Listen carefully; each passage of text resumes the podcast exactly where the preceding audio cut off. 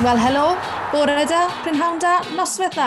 Dy bynnag faint o gloch i chi'n gryndo ar bodlediad sgorio os ych chi'n joio'ch brecwas gyda coffi neu bod chi'n cael cwrfach neu glasur o wyn. Mae'n braf cael eich cwmni chi. Fi a Dylan Ebenezer nôl unwaith eto a Dyl, wythnos diwetha o'n i'n ffocysu, o'n i'n edrych nôl ar gemau Cymru, ond wythnos yma, i ni nôl yn uwch gyngor Cymru. Ydy, mae wedi bod yn, yn ben wythnos prysur, ond dwi'n pen penwthnos yma ddim yn brysur. Maen nhw'n cael hoi fach heblaw y clefau sy'n chwarae yn rhwng gynderfynol cwpan y gyngred. A dwi methu stopio dyfalu nawr ar ba rhan o'r ddwrnod, ddwrnod mae pobl sy'n gwrando arno ni. Ar ôl ti wedi bod rhain cael ei brecos, rhain cael ei soffer. Falle bod e fel... Uh, bod Fi'n berson podlediad yn y bore yn bersonol. Bydd am ti? Yn y car, yn, fel arfer, yn gyrru rôl yn y car byddai neud. Felly, be bynnag i chi, be bynnag chi'n neud, diolch am rando, unwaith eto. Mae'n hyfryd cael eich cwmni chi. Mae fe wir, wel, wel wedes i, ni'n mynd i fod yn edrych nôl dros pen wythnos brysur iawn yn uwch gyngrair Cymru. Ni hefyd yn mynd i fod yn trafod y Cymru sy'n parhau i sgorio ar draws y cyngreiriau Dan James, Harry Wilson, Tom Lawrence i gyd ymysg y goliau dros y penwthnos a ni hefyd yn mynd i fod yn edrych flan at ddigwyddiadau ar y llwyfan rhyngwladol gyda Merched Cymru yn parhau gyda'i hymgyrch ragbrofol Cwpan y Byd a bydd yr enwau'n cael ei tynnu mas o'r het ar gyfer gemau ail gyfle Cwpan y Byd dydd Gwener yma ar gyfer y dynion. Felly digon i drafod ar y pod unwaith eto. Stryddwch nôl a mwynhewch!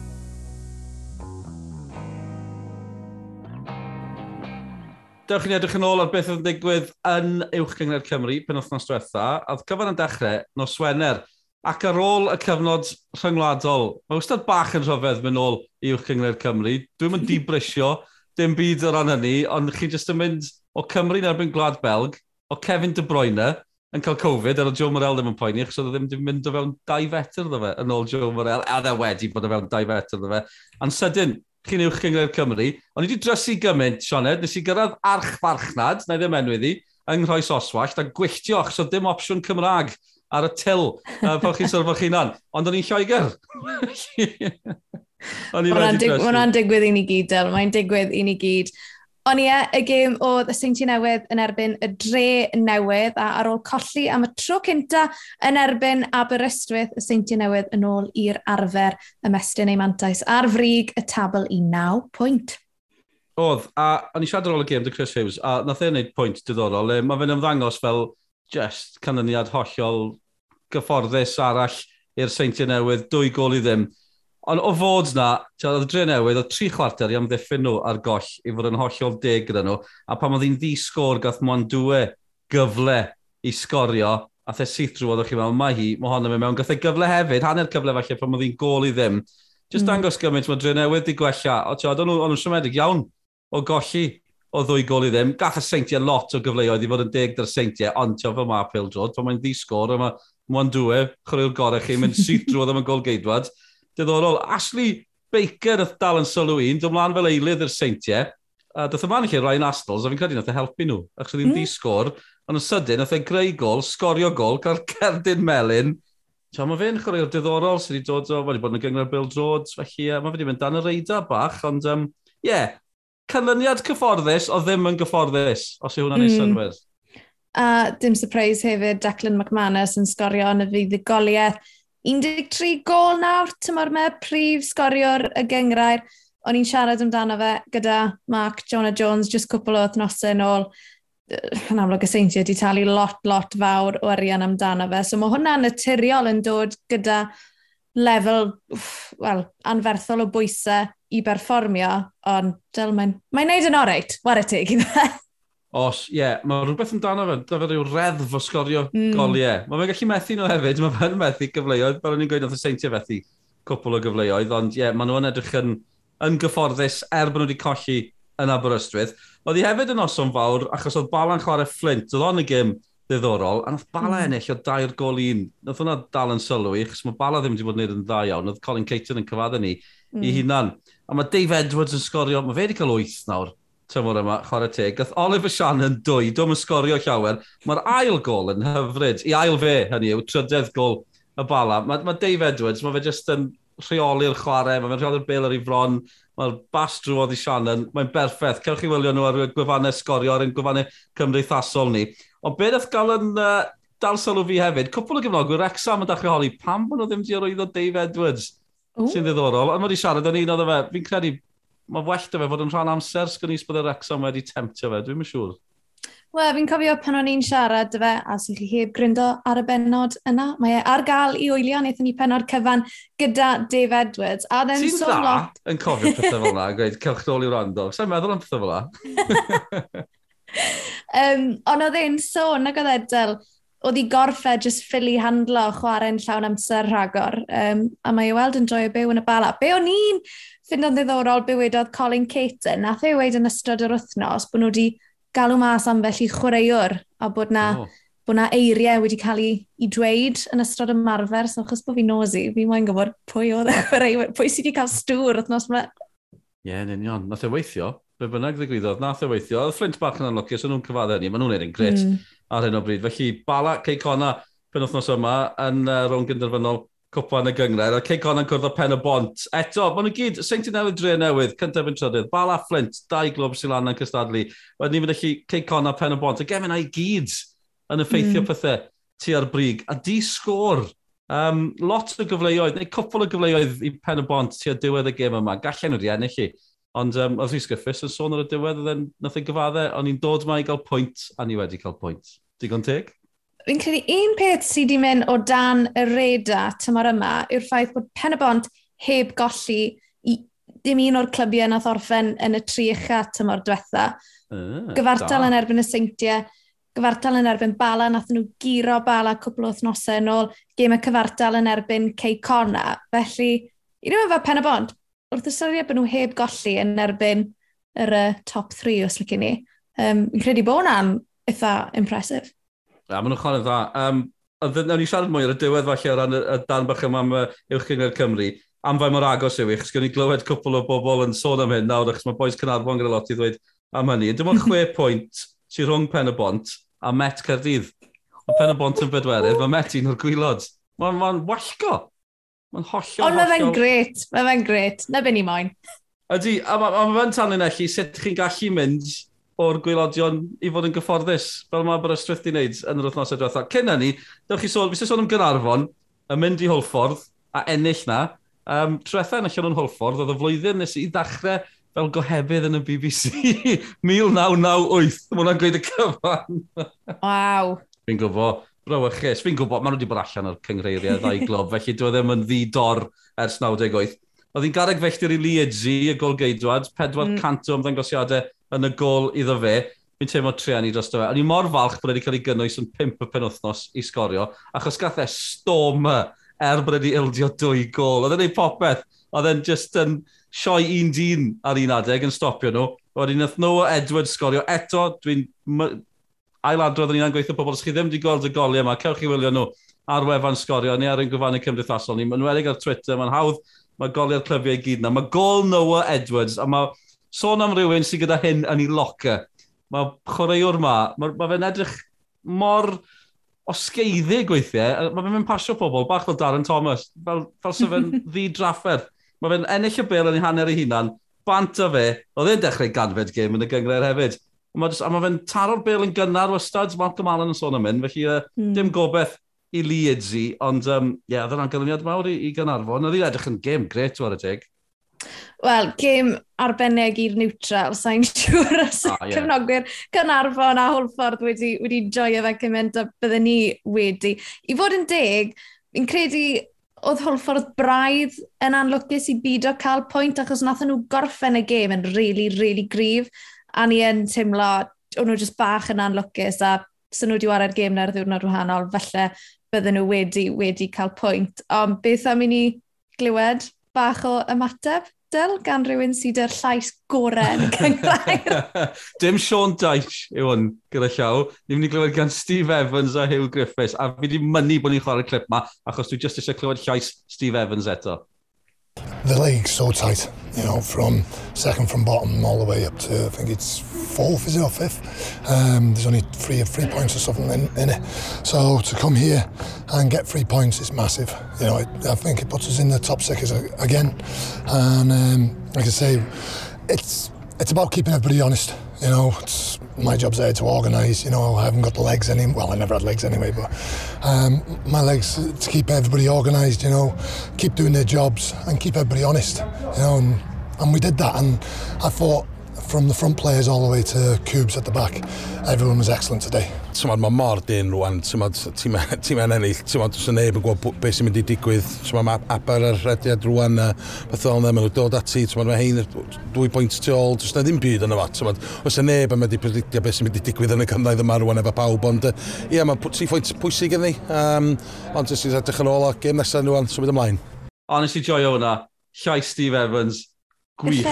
Steve Evans wneud audiobooks, fi'n credu, os mae e byth mae'n uh, cwpla yeah, Tom. Waits. Ti'n gyfarwydd y Tom Waits, Sioned?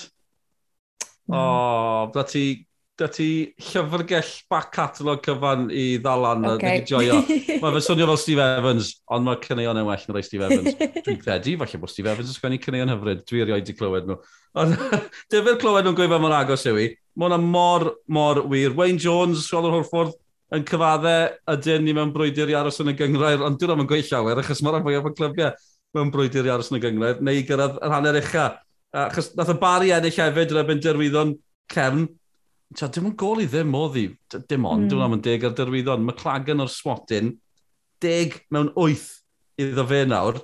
ond mae da, da, fe just teimlad bach bod y derwyddon yn gwella. O, dim teimlad, dim ond e, mae'r canlyniadau yn tanlinellu hynny. Ond maen nhw'n gemen lot agosach wedi cael gemen cyfartal, efo'n bala a flint yn y, yn y mis diwetha. So, mae rhywbeth am ymlaen na. Wel, y bendant perfformiad yn gwella o dan arweiniad Andy Turner, ond eto i ennill, dyl doi bwynt, maen nhw ar wylod y tabl.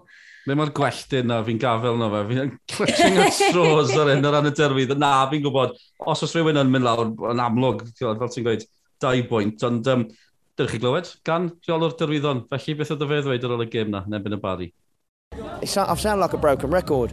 You know, since I've been doing this, we've only been spanked twice in, in, in probably six or seven games, and it's another game that's got away from us, and we've just got to be better in the, in the chances that we create that take them while you're on top, because they were gilt-edged chances, you know, and it's, a, it's not a case of feeling sorry for yourself. You've got to keep going and keep doing it. But if I'm getting performances like that, from a group of players that we've got, then great. But we've got to convert the chances into some points.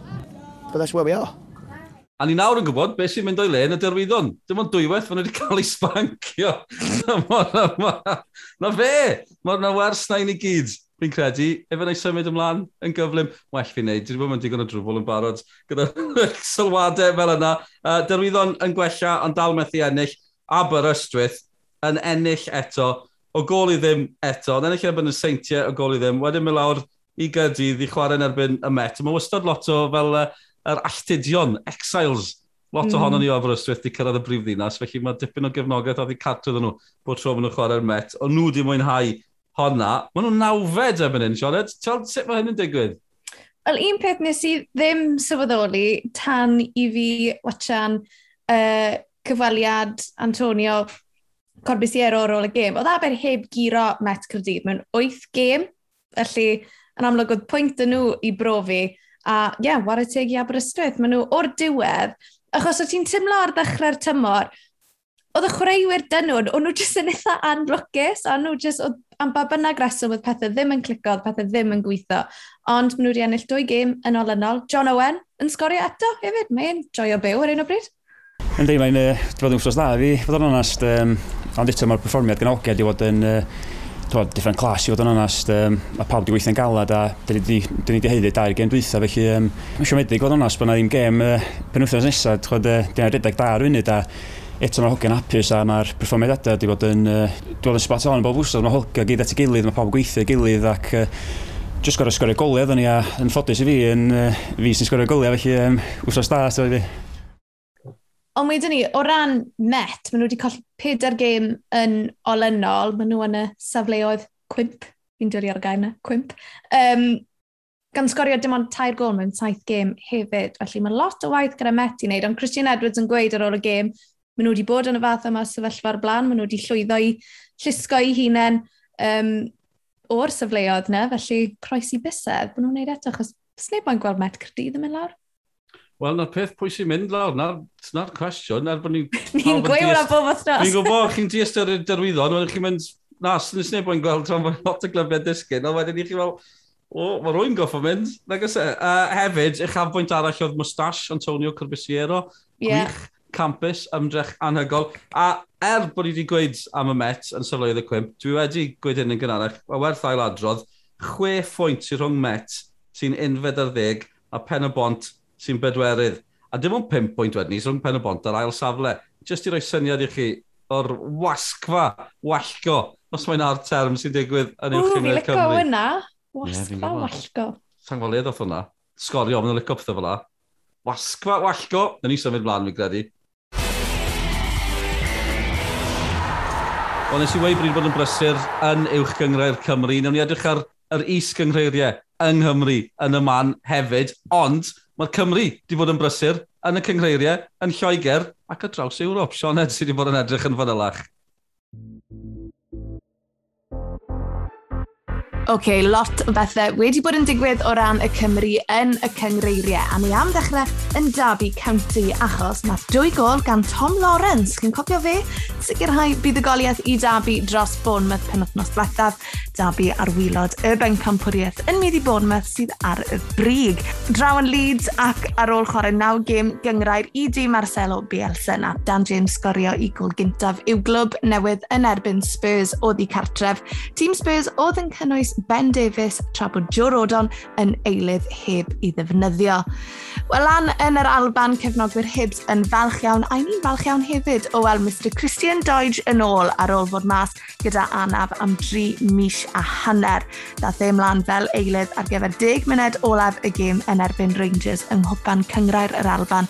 Hibs yn ennill y gêm yna o dair gol i un i fynd drwyddo i rownd derfynol yn erbyn Celtic fis nesaf.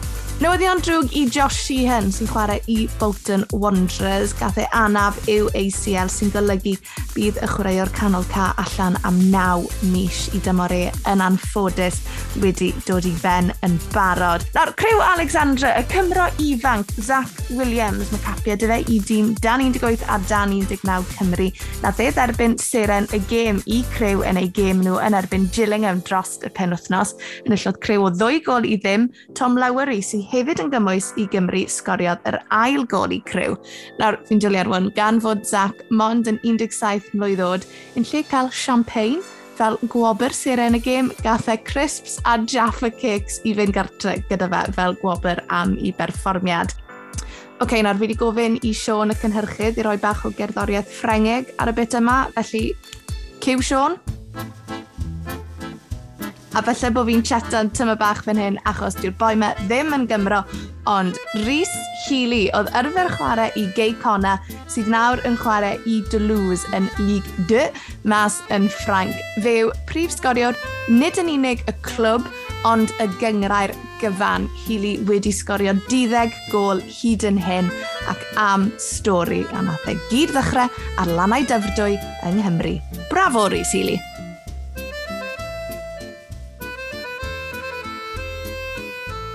Y Cymru yn disgleirio, cyn sôn am Rhys Healy, sydd ddim yn Gymro, ni'n gwybod hynny, ond mae wedi chwarae'n uwch gyngor Cymru, a mae wedi bod gyda Cyrdydd, felly ni'n ni cipio fe, ta beth. Um, Christian Doig yn ôl i Hibs, Sean, e, ti'n pwydd wrth i fodd? Dw Grey Scott. Oedd e'r teledu bod wedi syl, cyn i nhw chwarae Rangers, a nhw'n gofyn dda fe, ti'n mynd i'r gêm, ti'n edrych ma'n i gêm, a jo, ti'n mynd i'r gêm, a, a fi wrth y modd, achos mae Christian Doig yn ôl. Dw Grey Scott yn apus bod chi'n ôl. Mae'n eitha cool, nag o. E? a beth am Rhys Healy, well. Del? Fi'n gwybod, dyw e ddim yn Gymro. Mae lot o bobl yn dieddol o feddwl falle bod yn gymwys i Gymru, ond allan ni gadarnhau dyw e ddim. Ond i bai bod ni fy mgi e hefyd yn dod o gystell nedd, achos fi'n teimlo fel bod mae'n gi pawb yn dod o gystell nedd ar un o bryd.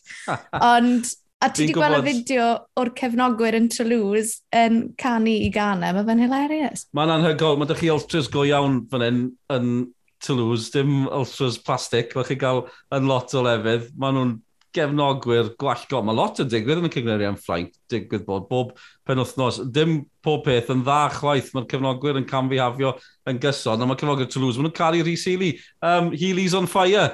Maen nhw'n caru na gyfer. Fantastic! Am argraff mae fe wedi wneud. A na, jyst i cadarnau, mae gymyn o bobl yn gofyn dos bosib bod yna gysylltiad dy Chymru. Mae Gwythas Baldodi edrych mewn i hyn yn fanwl iawn, fel maen nhw, achos maen nhw'n gwybod i stwff, maen nhw'n cael God, Cifo Mo, Sober Thomas, so, mae lot o chlwywyr Cymru gyda neiniau neu teidiau o Gymru, ond oedd dim cysylltiad. Mi oedd na ffordd mewn i'r system os o'ch chi wedi cael hyn a hyn o addysg hyd yn oed yng Nghymru. Oedd e ddim mm. hyd yn mhm. oed yn gymwys o'r ochr yna. Felly'n anffodus, dyw'r Rhys Healy ddim yn gymwys i Gymru, ond so, mae wedi dod uwch gyngred Cymru. ffwrdd chi'n sôn am lwyddiannau sydd wedi dod o'r gyngred, o, mae'r crwt ma fyny gyda nhw. Pob lwc dda fe. A mas yn Ffrainc, dwi wedi bod i Toulouse cwpl o weithiau, dwi wedi bod yn ffodus iawn. Ac oedd Cymru chwarae yn yr Euros. Ges i fynd na cyn yr Euros gyda Malcolm Allen, stori arall yw hwnna. Dwi dal ddim wedi dod drostoi. Yn iawn, ond am le i fod, am le i chwarae Pale Droids, lawr yn De Ffrainc. Hyfryd, pob lwc dda fe. Trebien.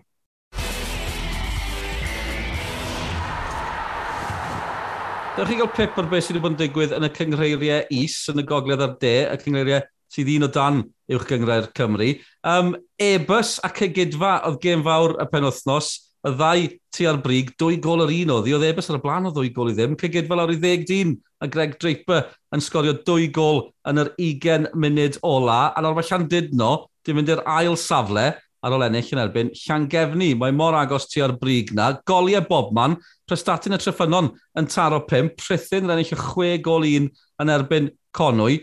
Llanred yr ymochnant sy'n ar y gwylod, nhw dal ddim di ennill, 4 pwynt sydd dan nhw. Ond jyst i dan yn elli fe mor agos i'w i o'i wedni, Llangefni yn bymthegfed, un o'r gwylod, mae dyn nhw 7 pwynt. A mae yna 7 pwynt o fwlch wedyn rhyngddyn nhw o Penryn Coch. Ond dim ond 6 pwynt sy'n rhwng Penryn a Conwy sy'n seithfed. Felly 7-7-7 dros y lle i gyd. Dim ond dwy gêm sy'n penwthnos yma. Uh, Llangefni yn chwarae Ebus uh, a Llanread yn ebyn Cargybi. Felly'r ddau weilod yn chwarae. Yn y de, gwall gofrwydd. Na'r unig gair sydd da fi i ddisgrifio beth yn digwydd. Llan Llanelltid yn ôl ar y brig, ond jyst hanner y stori hwnna. Cwarter y stori. Oedd camerau sgorio yn ei gêm nhw yn erbyn Llan Sawel. Felly Llan Sawel ar y blaen o ddwy gol i ddim ac o dair gol i un yn y gêm yna.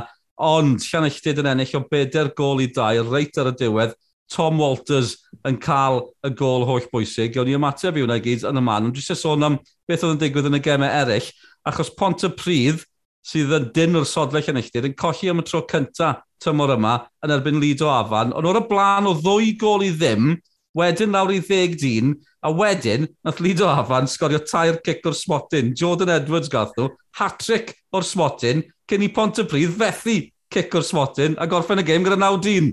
Diddorol, nes i wei bod ni'n wallgo lawr yn y de, na dda fe. Rhyd Aman yn cwrdd ar isga, dwi eisiau sôn am hon, achos gol anhygoel i Rhyd a dim Lee Trundle sgorio ddi. Cewch i wylio ffrwd Rhyd Aman, maen nhw ar y gofannau cymdeithasol, Tristan Jenkins gath i, oedd hi'n han solo, nath e hanner o'i hunan, a wedyn top bins ar y diwedd, 14 gol i Tristan Jenkins tymor yma. A mae tabl o ran y gwylod eitha tebyg i'r gogledd. Port Talbot Trion dal lawr na 15 gym, colli 15 gym hefyd. Fe gollwng yn y Prifysgol Abertawe o beder i ddim. Wedyn daw Gwndi, a wedyn Risga. Ond dim ond 5 pwynt i rhwng Gwndi, sydd un o'r gwylod, a Lido Afan yn nawfed. Mae'n agos bob man. O dyna hyn ddigon o'n llais i, fi siw bydd pawb yn cytuno gyda hynny yn bendant. Ond nes i sôn bod ni'n mynd i glywed gan rai o'r chwaraewyr llanelltid ar ei buddugoliaeth gyffroes nhw i ddweud y lleia, 42 yn erbyn Llansawel. Mae'n stori anhygol, nhw sydd ar y brig. Uh, dewch i ni glywed gan y gŵr gath y gol fuddigol, Tom Walters a David Owen. Uh, we knew it would be a tough battle up here, but we didn't expect that many goals, but we're happy to take the three points in the end. Yeah, and tonight you're top of the league. We are. After looking at the results now, the boys just seen it and uh, we're all buzzing, but we, we take it one game at a time. We don't really look at the league dim gyda'r geiriau i disgrifio beth nath ddigwydd fyna. Um, o'n i'n lwcus iawn i ddechrau banc gyda. Um, Ti'n gwybod, 3-1 lawr, a dod yn ôl i 3-3. Ond ie, yeah, dyn ni'n hapus iawn fel camp, so ni edrych plan i'r penwthnos yng Nghymru. Stym gemau yn yr uwch gyngrair oherwydd bod rownd gynderfynol cwpan Nathaniel MG. Fydd yr holl eich afbwyntiau ar sgorio prynhawn dydd llun am hanner awr wedi pimp ac wrth gwrs bydd popeth ar ein cyfryngau cymdeithasol. Felly nos Wener mae'r bala yn croesawu'r deiliad Cei Cona a dydd Sadwrn Met Cyrdydd yn croesawu'r Bari. Felly, o, bach o darbu yng Nghyrdydd, dydd Sadwrn, Ebsi. A nawr ni ddechrau gyda Met Cyrdydd yn erbyn y Bari ar gampws King Coed. Ti kind of yn tymlo, tymor ola Christian Edwards, di pethau ddim yn mynd yn ddau nhw yn y gyngrair ar hyn o bryd.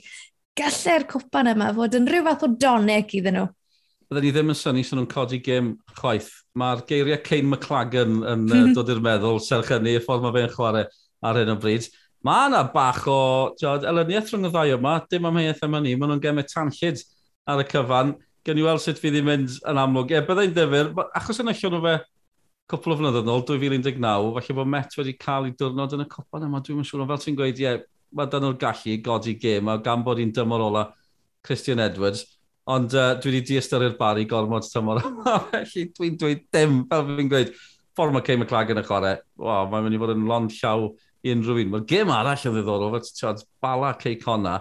mm. uh, a ddyn dyfod clywed Colin Caton yn sôn yn benodol am golled yn ddiweddar, peder i ddim gartre yn erbyn Conna. Fi'n credu bod hwnna wedi brifo nhw.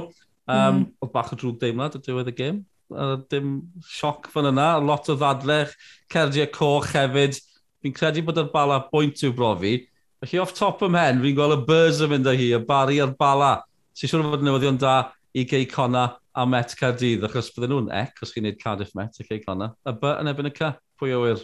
Wel, mae lot o bethau mewn mlaen o ran y tîmau rhyngwladol hefyd, achos mae'r enwau'n cael eu tynnu mas o'r het ar gyfer y gemau ail gyfle cwpan y byd yn Qatar.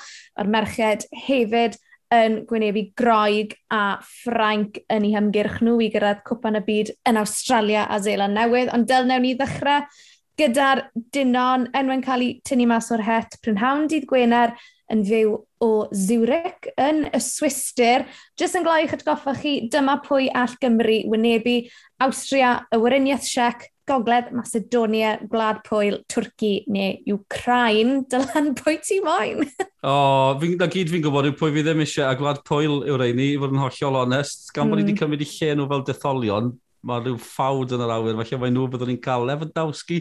O, oh, dim diolch. A, yn diddorol, byddwn ni'n darlledu'r cyfan yn fyw hefyd am y tro cyntaf erioed yn Gymraeg ar sgorio YouTube a Facebook. Byddai'n rhoi rhyw droslais uh, dros y cyfan.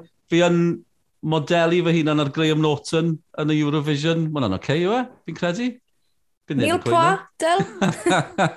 Edrych fan y fawr. Pedwar y gloch mewn prawn di Gwener cofiwch, ie, yeah, mae'n just mor gyffroes. A byddwn ni'n darganfod pwy allan ni chwarae nesaf hefyd. Falle mae'n arpeth mawr. Mae'n ddigon anodd ennill i'r rownd yma, ond byddwn ni'n gweld y llwybr i Qatar. Oh, bobl bach, bobl bach. Os na lwybr yr merched i uh, hemisffer y de hefyd, Sionet? Wel, fi'n gobeithio i ni hynna'r ffordd trwy'r ymgyrch ar hyn o bryd. Maen nhw'n ail yn y grŵp ar 10 pwynt. Ffrainc sydd ar y brig ar 12 pwynt. Mae'r merched yn gwynebu groig ym Mharc y nos Wener yma, felly os ych chi'n ffynsio, men mae digon o docynnau ar gael, felly please, please, ceirwch i gefnogi merched Gemma Granger. Maen nhw'n tymlo'n eitha hyderus ym mewn i'r gêm. Mae groig tua 30 safle yn is na Chymru o ran safleoedd FIFA a'n gynharach wythnos yma fi a sy'n siarad gyda Carrie Jones a Natasha Harding. Wythnos yma, Carrie, 20 enfawr i fe'n groi gytre a wedyn chi'n teithio mas i Ffrainc. Beth sydd eisiau Cymru wneud wythnos yma i chi'n credu? Um, Wel, yn gyntaf, dyn ni angen ffocysu ar groig, um, just um, anghofio am Ffrainc um, tan di Sadwrn. Uh, ac tymod, dau gêm anodd, dau gêm wahanol iawn. Um, ond dyn ni jyst angen cael y performiad da. Um, dim ots uh, beth yw'r uh, nation a pa safon maen nhw at. Uh, dyn ni jyst angen cael perfformiad da yn erbyn groig yn gyntaf. Iddyn ni, ni jyst gorfod wneud yn siŵr um, ni'n paratoi dros y, y, y dyddiau nesaf, wneud be ni gorfod wneud yn y gêm. Um, amddiffyn yn really, really galed. Mae, ni gyd yn gwylio fideos a, a, yn gwybod sut fath o gryfder mae gyda nhw. Um, ond ni gyd yn hyderus i chwarae yn erbyn nhw a dros y gemau diwethaf fi wedi meddwl ni wedi creu siawnses a goliau a perfformiadau um, i fod yn hyderus yn y gêm.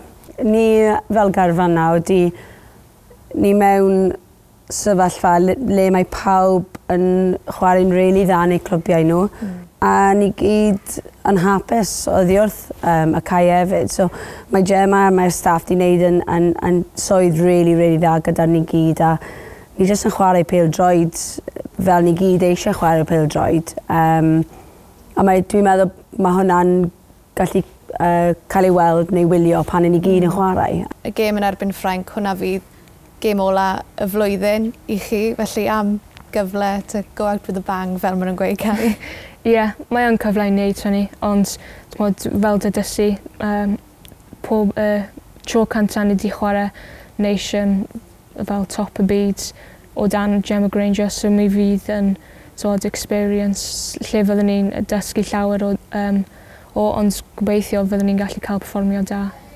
A fel chwaraewr, allai ddechmygu mae'n gyffroes i weld lle i chi pan i chi'n ware yn erbyn rai o chwaraewyr gorau'r byd. Fi'n gwybod mae rai nhw'n ware yn y WSL, felly beth ti'n gyfarodd am bell ohonyn nhw. Ond pan i ti'n edrych ar y tîm na, ti'n meddwl, gosh, mae, mae talent anferthol gyda nhw.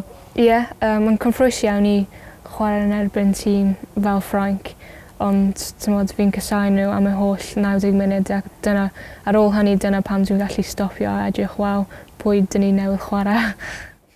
Wel, diolch i Cari a Natasha Harding Cymru heb actually golli mewn pedwar gêm sy'n eitha impresif. A maen nhw mewn safle da, da iawn. Felly fe wedi si, maen nhw'n gwnebu groeg nos Wener a Ffrainc nos Fawr. Felly poblwg enfawr i nhw gyd. O oh, ie, yeah, yn bendant. Na'r peth, mae fel grŵp o dynion gyda dim ond yr enillwyr yn mynd drwodd yn syth. Mae'n mynd i fod mor anodd achos mae Ffrainc mor dda, ond maen nhw'n gwneud popeth yn ei gallu ar hyn o bryd na gyd sy'n bwysig a, a na gyd sy'n gyda ni am wythnos yma, amser i ni fynd. Cyn mynd, mae da fi un rant. Alla i wneud un rant neu cwestiwn yw e. Sean, ti ofyn hoffi'r cyngreiriau is, rwy'n edrych ar gyngreiriau ardal. Yn y gogledd ddwyrain, Chirc y Wain sydd ar y brig, dyn nhw ddim wedi colli. Be dwi eisiau gwybod yw, er mae four crosses sydd ar y gweilod, dim nhw sydd wedi ildio y mwyaf o goliau yn y gyngreir yma, na'r holl gyngreiriau is, Kerry. Os oes rhywun o glwb Kerry, falle mae dim ond Kerry sydd yn clwb Kerry yn gwrando, Maen nhw wedi ildio 90 gol mewn 19 gêm. A dyn nhw dal ddim ar y gwylod. Felly sut bod nhw ddim ar y gwylod, a sut ych chi wedi ildio 90 gol mewn 19 gêm. Gen yr atebion i'r cwestiwn yma, a lot, lot mwy ar y pod wythnos nesaf, gobeithio. Amser i ni fynd, fi'n credu mae rai fi weidel, fi wastod yn joio dy rant di. Wel, dyna ni am wythnos arall. Cofiwch am sgorio dydd llun am hanner awr wedi pimp ar Esbrorec. Cofiwch hefyd am Gwenan a Sioned yn siarad ffwtbol ar YouTube a Facebook, y gore o bel drod merched fan hyn yng Nghymru. Ni'n ôl wythnos nesaf. Diolch am rando. Ta-ra!